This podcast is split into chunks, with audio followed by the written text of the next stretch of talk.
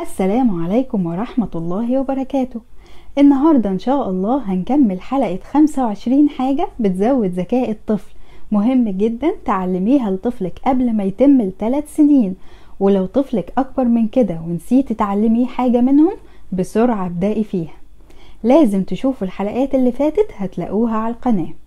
وما تنسوش تجاوبوا على السؤال اللي تحت الفيديو في التعليقات. تعالوا نشوف هنعلم الطفل النهاردة إيه. يتحاور. يعني ياخد ويدي في الكلام مع شخص تاني. حوار رايح جاي بينه وبين شخص تاني. ودي حاجة تقدري تعلميها لطفلك بالمحاكاة.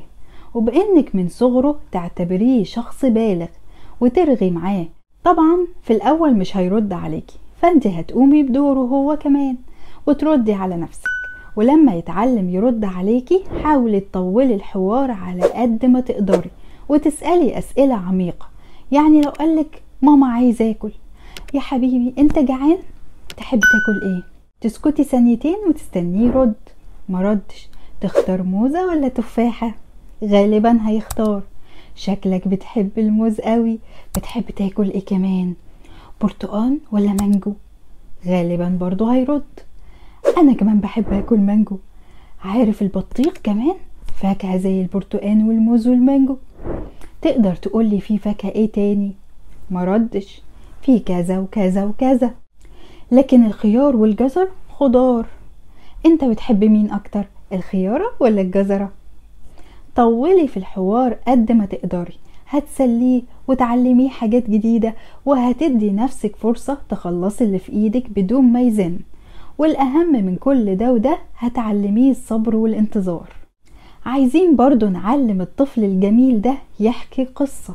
مهارة جميلة جدا بس محتاجين الأول نبني الأساس بتاعها صح بإن إحنا نعلمه الكلام أصلا وتكوين الجمل ونبني عنده مكتبة كبيرة جدا من المفردات وده شرحناه في الحلقات اللي فاتت. وبرضه في فيديو تعليم الكلام للأطفال هتلاقوه على القناة. طيب ابني بيعرف يقول جملة طويلة من أربع كلمات حلو جدا. كده جاهز نتعلم القصص. عايزين أول حاجة خالص نعلمه تسلسل الأحداث وإن أي حكاية ليها بداية ووسط ونهاية. يعني عشان أعلمه يحكي قصة لازم أذكر التلات أجزاء دول. ما ينفعش أبدا ألغي أي جزء منهم. ممكن أبسط الجمل على حسب عمر الطفل.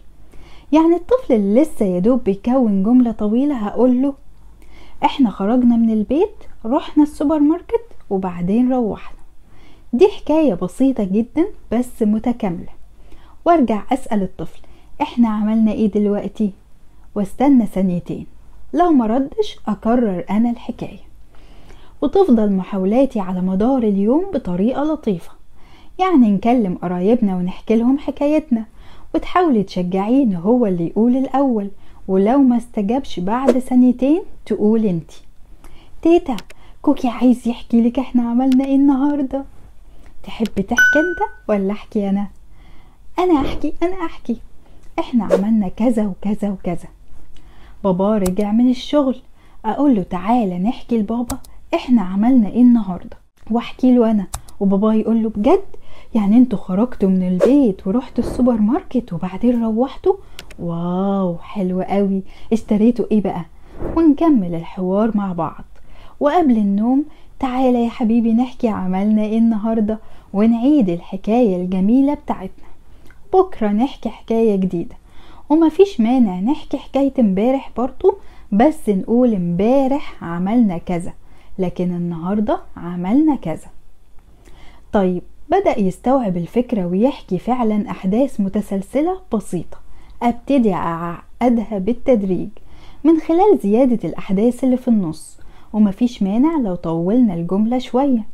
النهاردة لبسنا وخرجنا ومشينا لحد السوبر ماركت. اشترينا بيض وشيبسي وعصير وبعدين روحنا البيت كلناهم.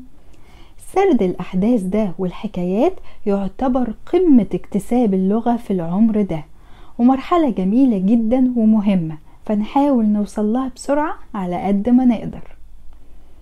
نكمل بكرة في نفس الميعاد إن شاء الله. استنوني دمتم في صحة وسعادة.